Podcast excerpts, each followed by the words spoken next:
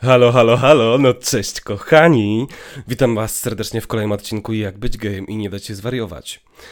Jezu, ale mam dzisiaj dziwny vibe do nagrywania podcastu. Jest środek zimy, nie mam weny, mam dużo przemyśleń w sumie takich życiowych, ale po prostu kompletnie nie wiem jakie ubrać słowa, więc wybaczcie mi, jeżeli ten odcinek będzie jakiś nieskładny albo coś, ale tak sobie pomyślałem, że chcę nagrać takie przemyślenia z tego miesiąca, bo jest kurde koniec stycznia. Boże, ten moment w ogóle w roku jest dla mnie taki ciężki zawsze, ten styczeń i luty, bo to są takie depresyjne miesiące. Nic tylko fajnie byłoby siedzieć na jakimś południu Europy, słuchajcie, jeść jakieś gelato, wiecie o co chodzi, croissanta jakiegoś na śniadanie, słoneczko i fajnie, ale nie kurwa, siedzimy w tej Polsce, gdzie jest po prostu szaro, buro. Jeszcze w tym roku, jak okazało się, że można palić wszystkim w tych kominach po prostu, bo jest taki drogi węgiel. To jest taki syf w tym powietrzu w ogóle, nie wiem czy wy też to czujecie, ale ja e, ostatnio miałem problemy po prostu z zatokami przez to, bo ja wychodziłem na zewnątrz i ja czułem po prostu, jakim syfem ludzie palą dookoła mnie. Ja widuję nieraz po prostu czarne chmury wychodzące z kominów domów ludzi i sobie myślę, to jest kurwa niesamowite, że żyję w dużym mieście i ludzie robią takie rzeczy i nikt nic z tym nie robi. Z jednej strony rozumiem kryzysową sytuację, ale z drugiej strony po prostu no gorzej niż w Pekinie, nie? No ale dobra. Moje zimowe przemyślenia dotyczą dorosłości. Dlaczego dorosłości? Dlatego, że mam wrażenie, że z każdym rokiem sobie uświadamiam coraz głębsze znaczenie tego słowa. Bo dorosłość brzmi tak bardzo ezoterycznie. Co się kryje w ogóle pod tymi słowami? I w, w ogóle jakby, jakie czynniki wpływają na to, że jest się dorosłym? Kiedy się jest dorosłym? Czy w jakimś wieku się jest dorosłym, czy coś, nie? No i moje przemyślenia spowodowane zostały tym, że słuchajcie, jak były te kurwa mrozy ostatnio, to yy, siodełko w moim rowerze, które stoi przed moim blokiem, się rozszczelniło, w sensie poszły szwy. No i ta cała woda zaczęła się wlewać do gąbki w tym siodełku.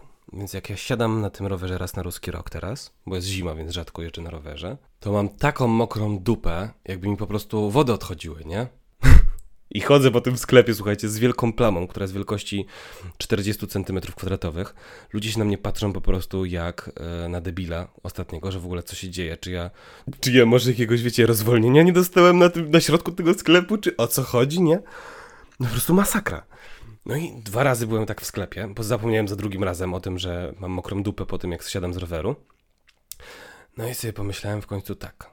Boże, Przecież jest środek zimy. Jak ja teraz wymienię to siodełko, to ono mi pęknie za tydzień przy kolejnych takich mrozach. To jest bez sensu, żeby mnie teraz wymieniał. Co ja mogę z tym faktem zrobić? Jak ja teraz rzadko jeżdżę na rowerze i nie opłaca mi się wymieniać tego siodełka teraz. W sensie ja wiem, że to jest 100 zł, nie? Ale jeżeli mam teraz wymienić za 100 zł i za tydzień ma mi pójść znowu szef, przez to, że będzie mróz i się wkurwie potrójnie, to wolę jednak to zrobić w marcu, nie? Więc wymyśliłem świetny sposób, słuchajcie. Wziąłem siatkę z Lidla albo z Biedronki, czy tam z Auchan i nałożyłem na to siodełko. I słuchajcie, wyglądam jak ostatni menel, e, jak jadę na rowerze. Co prawda jeżdżę nim teraz raz na ruski rok, jak potrzebuję z niego ad hocowo skorzystać i akurat nie ma śniegu, nie? Ale wyglądam jak kompletny menel, że jeżdżę po prostu z tym siodełkiem, w tym po prostu, wiecie, w tej siatce, nie? Więc jak zobaczycie jakiegoś idiotę, który jeździ yy, z yy, siatką na siodełku, to to jestem ja, nie? I ja wiem, że ja wyglądam jak ostatni menel. Ale racjonalnie rzecz biorąc, po prostu to ma sens teraz, żebym ja używał tej siatki raz na ruski rok, jak potrzebuję tego rowera. No bo ja nie chcę się wkurwić potrójnie, po prostu. Ja wiem, że to jest tylko 100 zł, ale jak ja te 100 zł e, mogę przeznaczyć sobie na cokolwiek sensownego, jeżeli to siodełko miałoby mi pójść, to wolę jednak zaczekać do marca, nie? I tak sobie zacząłem myśleć, Boże, czy to jest ta dorosłość, że moje myślenie odruchowe w sumie to skrzeczy mi Boże, co ty kurwa robisz w ogóle? Wymień to siodełko w tym momencie. Jak menel najgorszy. To moje myślenie analityczne mówi, nie no, faktycznie to ma sens. Nie masz gdzie schować tego roweru, gdzie jest ciepło. Mogą być kolejne przymrozki, więc pójdzie ci to siodełko i wkurwisz się podwójnie, że wymieniłeś siodełko w środku zimy, gdzie prawie ci to w ogóle nie było potrzebne i ci poszło. Więc jakby naprawdę, zostaw sobie to siodełko do marca. E, I tak sobie myślę, może to jest ta dorosłość, nie? Słuchajcie, może to są te decyzje. no ale ogólnie Mam kolejne takie głębokie przemyślenie a propos tego. Mianowicie, teraz jak była jesień zima, to Sanach robiła koncerty bankietowe. Może o nich słyszeliście. Grała z orkiestrą, która miała tam w ogóle, nie wiem, z 80 osób czy coś. em, taką filmową i w ogóle po prostu, no, szapoba, rewelacyjny w ogóle koncert. E, Byłem na nim i słuchajcie, ku mojemu wielkiemu zaskoczeniu na widowni znajdowały się wszystkie możliwe osoby. W sensie cały przekrój społeczeństwa. Można było zobaczyć dzieci ośmioletnie z matkami, z ojcami. Można było zobaczyć partnerów, którzy mają po 40 lat i się wybrali na koncert. W sensie, nie wiem, albo mąż z żoną, albo narzeczeństwo, albo partnerzy, nie wiem, nie mam pojęcia. Nastolatków, ludzi w wieku 20+, plus, jak również można było zobaczyć e, 70-letnich emerytów, którzy przyszli podziwiać jej twórczość. E, co było w ogóle szokujące. Ja myślałem, że będzie więcej młodych ludzi niż starych. I w ogóle, no tak to się zdarza, że zazwyczaj się idzie na koncert i na przykład są tylko młodzi ludzie. Albo tylko jakaś, jakiś przekrój po prostu społeczeństwa, ale tylko części społeczeństwa, nie? Myślę, że wiecie o co mi chodzi.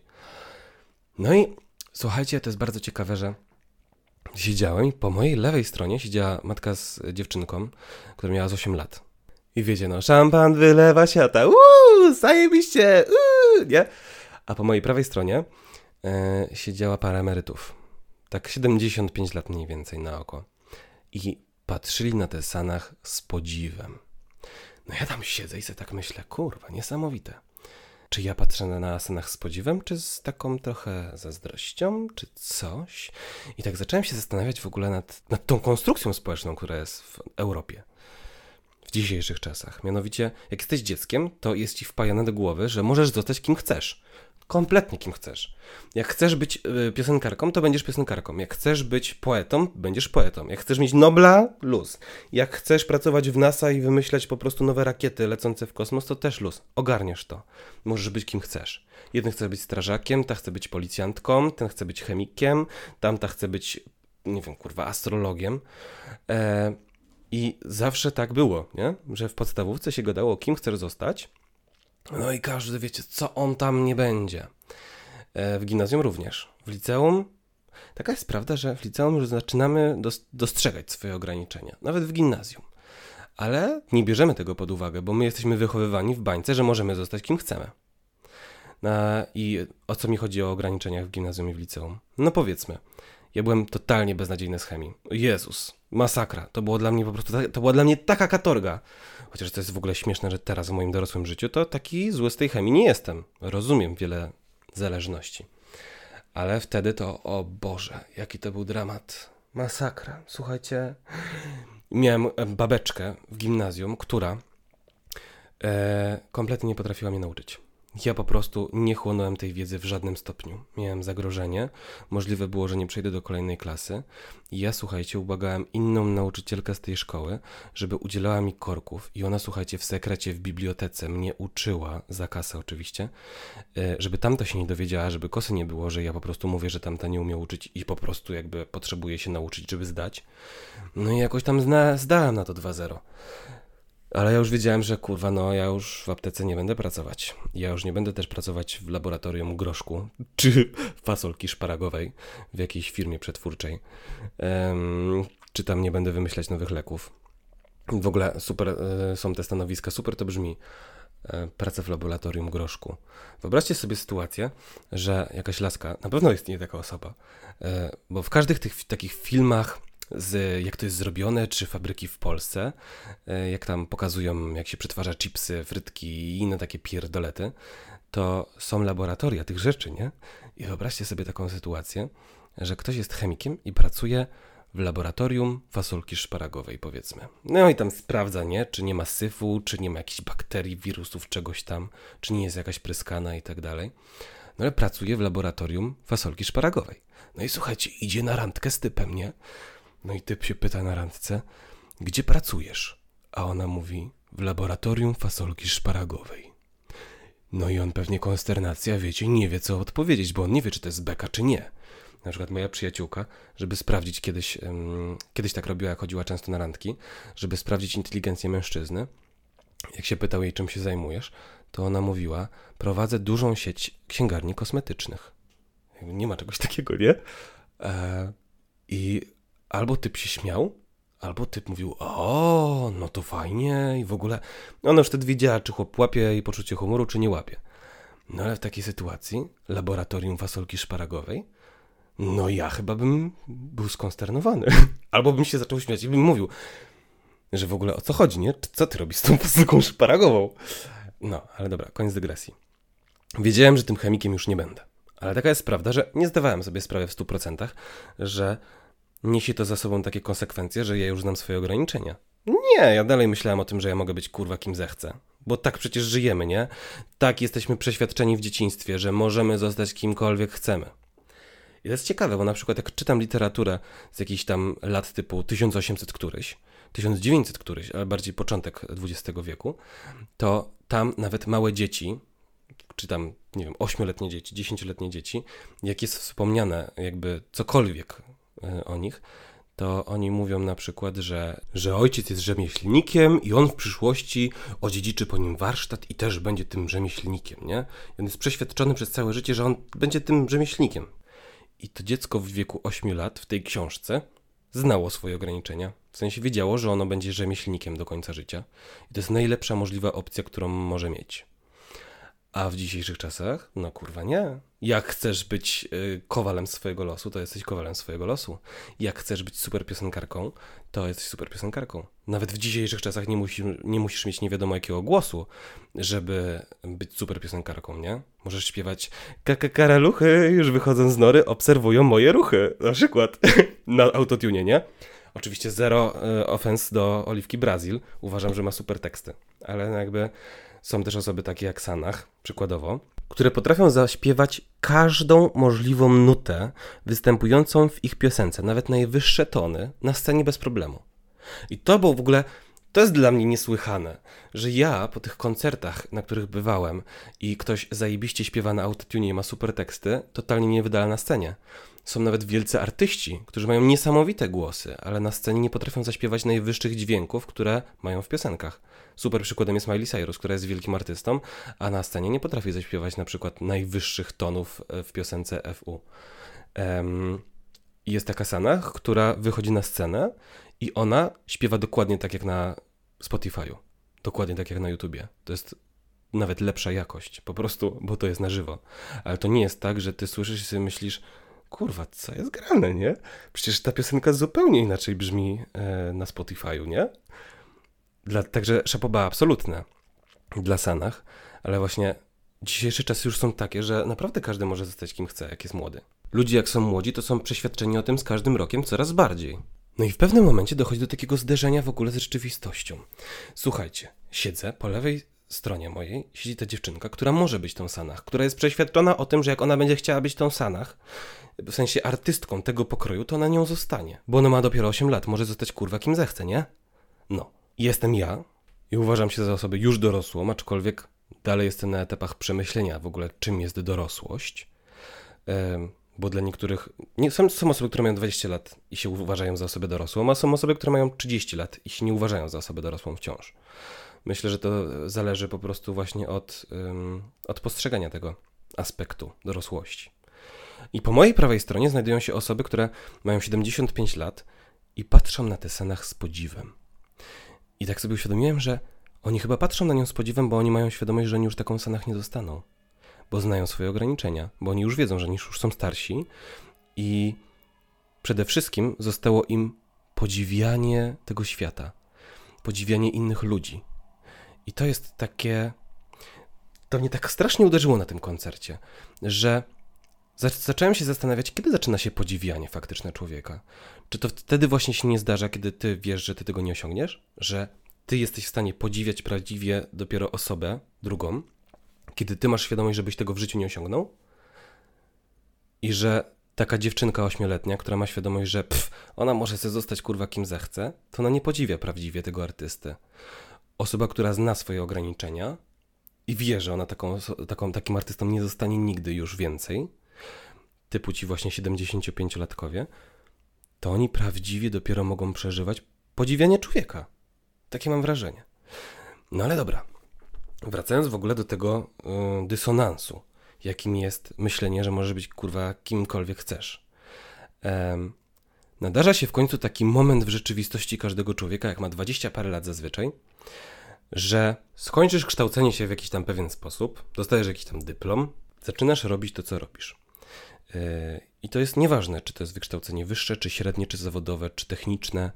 E, jak zaczynasz robić po prostu to, coś, do czego się przygotowywałeś przez x lat w systemie edukacyjnym, w którym myślałeś, że możesz zostać kim chcesz, w którym myślałeś, że a najwyżej kurwa zmienię te studia, a najwyżej jednak nie będę chciał pracować w tym e, zawodzie, więc znajdę sobie coś innego, jeszcze jestem młody, jeszcze to ogarnę. No i kiedy zaczyna się ten moment w życiu, który jest taką powierzchowną dorosłością, że powiedzmy, wyedukowaliście się do tego momentu, w którym możecie robić dane rzeczy, robicie te dane rzeczy i po kilku latach uświadamiacie sobie, że wy już nie mielibyście siły ani ochoty iść na inne studia i zaprzepaszczać tego wieloletniego procesu, e, w którym bierzecie udział po prostu, który stworzyliście dla samych siebie, żeby po prostu być kimś innym. W sensie to jest coraz cięższe. E, oczywiście można w wieku nawet 45 lat iść na studia i zostać kimś innym, ale naprawdę bardzo dużo energii trzeba, żeby powiedzmy pracować e, przez 5 lat w, e, nie wiem, powiedzmy finansach, e, skończyć studia 5-letnie finansowe, czyli 10 lat roboty, nie? I po 10 latach uświadomić sobie, kurwa, ja to pierdolę. Nie mam po prostu siły, nie chcę tego więcej robić, chcę zostać, nie wiem, chcę pracować w aptece i chcę zostać y, farmaceutą, nie? Więc kolejne 5 lat farmacji, tak? A później apteka, tak? No jak już ktoś ma świadomość, ile to czasu pochłania, ile to pracy trzeba włożyć w to. Plus jeszcze oczywiście nie zapominajmy o naszej cudownej strefie komfortu, w której się właśnie znajdujemy. Może i jest kiepsko i nam się nie podoba, ale my to znamy i wiemy na co nas stać w tym zakresie, a nie wiemy co będzie, jak będziemy farmaceutami w aptece, nie? A cóż jest bardziej przytulnego dla człowieka niż jego własna strefa komfortu? No to jednak masz świadomość, że po 10 latach pracy w finansach, no już zostanie farmaceutą wiązałoby się z taką ilością mm, energii poświęconej ku temu, że odpuszczasz, że nie masz siły, nie chce ci się, że wolisz naprawdę już y, wkurwiać się na tę robotę albo znaleźć coś prostszego do rozwiązania, y, niż naprawdę przez kolejne 5 lat studiować farmację i zostać finalnie tym farmaceutą. Ze świadomością ryzyka z tyłu głowy, że tam może być tak samo. W sensie, że może mi się to nie spodobać po kilku latach. Więc taka jest prawda, że jesteś w stanie zmienić swoje perspektywy, ale w niedużym stopniu. Więc w finansach powiedzmy wkurwia cię bankowość, więc idziesz w stronę inwestowania. Albo na przykład wkurwia cię inwestowanie, no to idziesz w stronę czegoś tam innego. Ale jakby obracasz się już w pewnym wachlarzu możliwości. I ten wachlarz nie ma 360 stopni, tylko powiedzmy 90. I sobie zaczynasz właśnie uświadamiać, że ty masz już jakieś ograniczenia w życiu. Że ty już nie, nie będziesz kurwa sanach. Że ty już nie będziesz artystą tego pokroju, jak będziesz chciał. Że ty już nie będziesz tym farmaceutą, że ty nie pojedziesz do Ameryki, nie będziesz pracował w NASA, robiąc rakiety mm, wylatujące w kosmos. Że, że ty już zaczynasz mieć świadomość swoich ograniczeń, racjonalnie. I powiem wam, że to jest taki dopierdalający moment w życiu, kiedy już masz świadomość, że nie jesteś alfą i omegą. Że y, ja podziwiam dużo ludzi, że sobie z tym radzą świetnie. Że mają świadomość swoich ograniczeń, ale lecą do przodu. Że wzięli to na klatę. Bo to jest bardzo depresyjne w ogóle, nie? Że przez tyle lat um, mamy świadomość, że pff, mogę zostać kim chcę, nie? I nagle budzisz się ze świadomością któregoś dnia, że no nie, jednak tak nie jest. Jednak mam swoje ograniczenia, swoje możliwości i najsensowniejsze, co mogę z tym zrobić, to racjonalnie spojrzeć na swoje życie, na swoje perspektywy, priorytety, wartości, którymi się kieruję i ułożyć sobie jakiś plan w głowie, krótko bądź długoterminowy, żeby iść do góry, żeby być szczęśliwym człowiekiem, żeby skupić się na tym, co jest dla mnie ważne. I wtedy sobie uświadamiamy dopiero, że, człowiek nie jest taki doskonały, że my naprawdę nie, nie możemy zrobić wszystkiego, kompletnie wszystkiego. Możemy znać swoje atuty, ale musimy też znać swoje wady. I wiemy dobrze, że warto swoje atuty wykorzystywać, a wad unikać, w sensie wykorzystywania swoich wad. Ale też czasami zdarza się taki moment, że uświadamiamy sobie, w ilu procentach chciałbym być szczęśliwy w swoim życiu. Ja tak sobie powiem Wam szczerze, że myślę, że w 85 u mnie to jest naprawdę bardzo satysfakcjonujące w sensie e, jestem szczęśliwy od dłuższego czasu w powyżej 80%. I ja jestem świadom, że ja nie jestem w stanie być szczęśliwy w 100%. Myślę, że nikt nie jest w stanie być szczęśliwy w 100%, dlatego że natura ludzka jest taka, że ty, ty włożysz kij w mrowisko tam, gdzie jest kurwa dobre. I zawsze jest coś nie tak. Nawet jakby wygrać w Totka 20 milionów i być milionerem, to ty zaraz będziesz nieszczęśliwy, bo nie masz celu w życiu. Bo wcześniej twoim celem w życiu było powiedzmy ustatkowanie się, a teraz nie potrzebujesz tego w ogóle i ci gnije mózg od tego. I lecisz do Vegas i wydajesz całą kasę, a później jesteś totalnie nieszczęśliwym, zgubionym człowiekiem. Ile było takich historii już w ogóle e, w społeczeństwie? Zawsze coś będzie nie tak. Bardzo rzadko się zdarza, że człowiek nie ma problemów. W ogóle nie wiem, czy w ogóle zdarza się sytuacja, że człowiek nie ma problemów żadnych. Jak patrzymy na naszą przeszłość, to czasami myślimy sobie, kurwa, ja to wtedy w ogóle nie miałem problemów. Gdzie taka jest prawda, że jakbyśmy spojrzeli właśnie w przeszłość i doświadczyli tych emocji wtedy, to mieliśmy problemy zupełnie innego kalibru, które zostały przepracowane y, na pewnej płaszczyźnie i zniknęły w naszej świadomości teraźniejszej, ale wtedy one były. Zawsze te problemy są. No i człowiek w pewnym momencie sobie musi uświadomić, w ilu procentach ja chcę być szczęśliwy w ilu procentach ja mogę być szczęśliwy. Co mogę zrobić, żeby być szczęśliwy w tylu procentach? Co mi sprawia radość w życiu? Jak chcę, żeby wyglądała moja relacja? Jak chcę, żeby wyglądała moja teraźniejszość? Jak chcę, żeby wyglądała moja przyszłość? Dopiero jak człowiek zaczyna sobie zdawać sprawę z tego wszystkiego, zaczyna sobie zadawać podświadomie te pytania i kształtować w sumie swoje priorytety i wartości, którymi chce się posługiwać w przyszłości, sorry, posługiwać wartościami, którymi chce się kierować, to wtedy dopiero zachodzą takie reakcje, że bardziej skupiamy się na analitycznym myśleniu, aniżeli na tym takim odruchowym. I zastanawiam się, czy to nie jest w sumie tak, że dorosłość pojawia się wtedy, kiedy jest, było 50-50 mniej więcej i coraz więcej jest tego analitycznego myślenia w naszym życiu, aż w końcu przestajemy podejmować decyzje odruchowe, dlatego że mamy świadomość, że wszystko niesie swoje konsekwencje i dana decyzja odruchowa może przynieść o wiele większe negatywne konsekwencje w przyszłości, niż jakbyśmy podjęli decyzję analitycznie. No i takie właśnie mam konsternacje ostatnio, bo też muszę przyznać, że jest dużo osób w społeczeństwie, którzy są już w wieku, powiedzmy w cudzysłowie dużym, dorosłym, ale podejmują mnóstwo odruchowych decyzji które sprowadzają się do tego, że w pewnym momencie życia mam wrażenie, że zaczyna to krzywdzić człowieka, że człowiek sam potrafi się skrzywdzić, dalej zachowując się jak dziecko. W sensie dalej podejmując mnóstwo decyzji odruchowych, dalej nie planując swojej przyszłości, nie mając celów krótko-długoterminowych, dalej marząc, że może zostać kim chce i tak dalej, i tak dalej. I, jest dużo w sumie takich Piotrusiów panów zaklętych w tych swoich bańkach na głowie, które po prostu już powinny pegnąć dawno temu, ale kurde, jakoś się jeszcze trzymają. I na przykład znam taką osobę, chłopak ma 29 lat, słuchajcie, i jak są gorsze dni, to on potrafi. Kiedyś się popłakał i powiedział mi, że on w życiu nic nie osiągnął i on się boi, największym jego lękiem jest to, że on w życiu nic kompletnie nie osiągnie. I ja się go zapytałem, a co byś chciał osiągnąć? On kurwa nie wie. On nie ma pojęcia. On chciałby coś osiągnąć, coś wielkiego. On chciałby coś osiągnąć, ale skupia się na tym, że coś, ale nawet nie wie co. Po czym e, następnego dnia, kiedy ma dobry humor, E, i ktoś na przykład potrzebuje się po prostu wyżalić albo coś, że nie wiem, praca go ostatnio w kurwie czy coś, to on potrafi dać radę pod tytułem to pierdolnij tą pracą, na ona. Weź, co ty, mm, masz gorszy kontakt z szefem? Weź, weź znajdź sobie inną pracę, weź w ogóle rzuć to, po co ci to? Jak to, nie wiem, negatywną energię wprowadza do twojego życia, to weź e, po prostu, poszukaj czegoś lepszego i skupiają się na tym, że w ogóle właśnie skupiają swoje rady na decyzjach odruchowych. Co możesz zrobić? nie patrzą analitycznie na życie. No i też się tym kierują. I finalnie, kiedy jest sytuacja na przykład, że mają robotę i powiedzmy mają średni kontakt z szefem i chcieliby ją zmienić, to decyzją odruchową w takiej sytuacji jest pierdolne tą robotą, kij z tym, nie?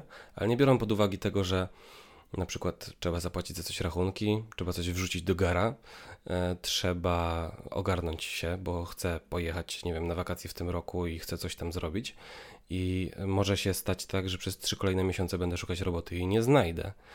Więc decyzją analityczną byłoby: OK, zagryzam zęby, szukam roboty na boku. I jak znajdę robotę na boku, to rzucam tego po prostu, tą sytuację, tego szefa, który wprowadza jakąś negatywną energię do mojego życia. Ale taka jest prawda, że kiedy zachowamy się odruchowo w takiej sytuacji, no to co? Może się okazać, że konsekwencje tej odruchowej decyzji są o wiele gorsze niż to, jakbyśmy postąpili, postąpili analitycznie i zagryźli zęby przez chwilę. Bo może być tak, że przez dwa miesiące się powkurwiamy, ale znajdziemy robotę i będzie spokój, zmieniamy robotę i jest spokój, to jest analityczna decyzja. A jakbyśmy się zachowali odruchowo i rzucili wypowiedzenie na stół, to może się okazać, że przez dwa miesiące nie możemy znaleźć roboty, musimy żyć z oszczędności, albo nie mamy oszczędności, no bo jak żyjemy odruchowo w sumie, to raczej takie osoby oszczędności nie mają, zadłużają się u znajomych i nie pojadą sobie na wakacje w tym roku, nie ogarną swoich celów finansowych i tak bo przez dwa miesiące nie pracowały, bo pierdolnęły robotą, z dnia na dzień na przykład. I myślę, że właśnie kiedy już się ma 20 parę lat, to tyle się doświadczenia życiowego nazbiera, i tyle można to, tak można to przemyśleć, że po prostu same takie konsensusy wchodzą nam do głowy, że trzeba myśleć analitycznie, trzeba się zastanowić, jak to rozegrać. Jeżeli nie wiemy, jak to rozegrać, to zapytajmy się kogoś, jak on by to analitycznie rozegrał. Ale no, decyzje odruchowe w pewnym momencie życia są po prostu zbyt ryzykowne i potrafią nas skrzywdzić, albo skrzywdzić ludzi dookoła nas. Bo yy, facet, który na przykład ma żonę, która siedzi w tym momencie na macierzyńskim z drugim dzieckiem i ma do utrzymania w tym momencie dwójkę dzieci e, i żonę, chociaż żona ma oczywiście pieniądze za macierzyńskie, rzuciłby pracą z dnia na dzień, to mogłoby się to odbić czkawką i jemu, i jego dzieciom, i jego żonie, i mogłaby być po prostu jedna wielka katastrofa. No i nie może tak robić, nie? I w pewnym momencie właśnie życia przychodzi to, czym jest wzięcie sprawy w swoje ręce i wzięcie na klatę życia. Świadomość tych składowych, właśnie, że jak ty tego nie zrobisz, to nikt za ciebie tego nie zrobi, że to ty musisz zrobić i e, że to ty musisz wziąć te sprawy na klatę. To chyba to jest ta dorosłość trochę, nie? To jest chyba pewny wymiar dorosłości, do którego trzeba dorosnąć, dojść mm, samoistnie. I w pewnym momencie, kiedy nie następuje to, a powinno nastąpić, to może się to odbić naprawdę bardzo negatywnymi konsekwencjami. I taka po prostu powaga życia wzrasta, nie? Z każdym rokiem. I powiem Wam, że jak często słucham historii e, relacyjnych moich znajomych, to bardzo duży procent niedogadywania się w relacji polega na tym, że właśnie ktoś podejmuje bardzo dużo odruchowych decyzji. W sensie, że nie myślą analitycznie, że um, nie patrzą długoterminowo na swoje cele, nie konstruują ich w swoich głowach, żyją bardziej carpe diem, ad hocowo, po prostu robią jakieś dodatkowe rzeczy i tak dalej, i tak dalej. I w końcu kończy się na tym, że te relacje się rozjeżdżają, bo ludzie mają zupełnie inne priorytety. Bo ktoś może nie mieć w ogóle priorytetów, bo po prostu żyje odruchowo, nie? No. Więc takie są moje przemyślenia. e, jaki jest tego morał? Jaki wymyśliłem morał?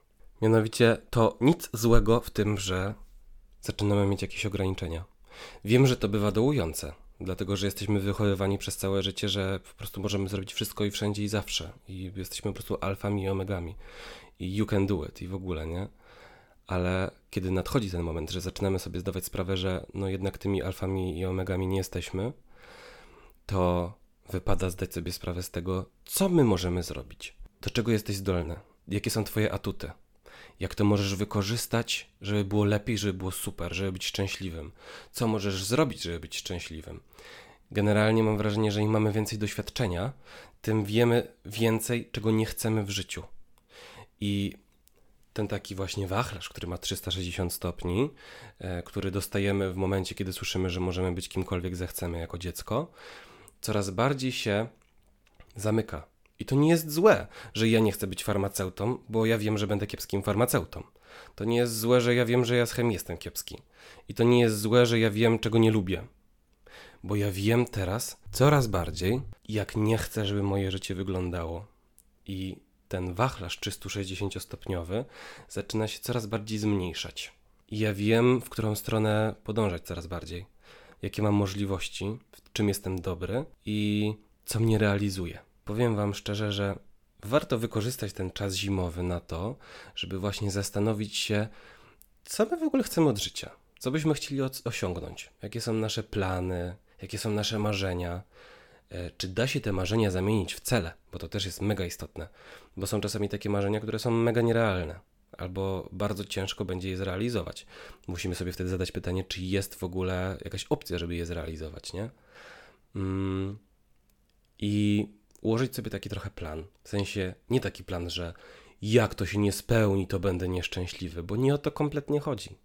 Tylko ułożyć sobie plan w głowie, do czego w ogóle my dążymy, do czego chcielibyśmy dążyć, co jest dla nas istotne w życiu, jakie są nasze wartości, priorytety, mm, jak byśmy chcieli, żeby nasze życie wyglądało i nie bać się tego, że kolejne lata mijają, bo trzeba po prostu wziąć pewne sprawy na klatę i lecieć do przodu i kwitnąć dalej.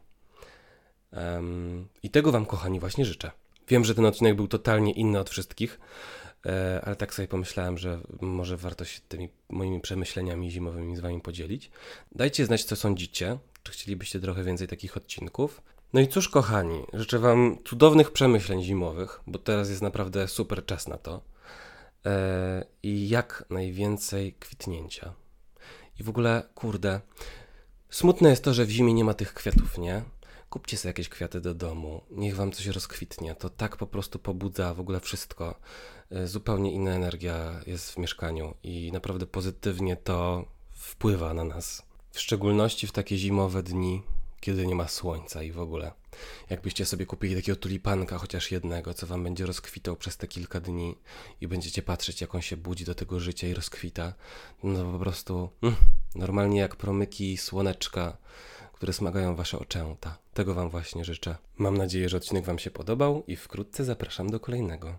Pa!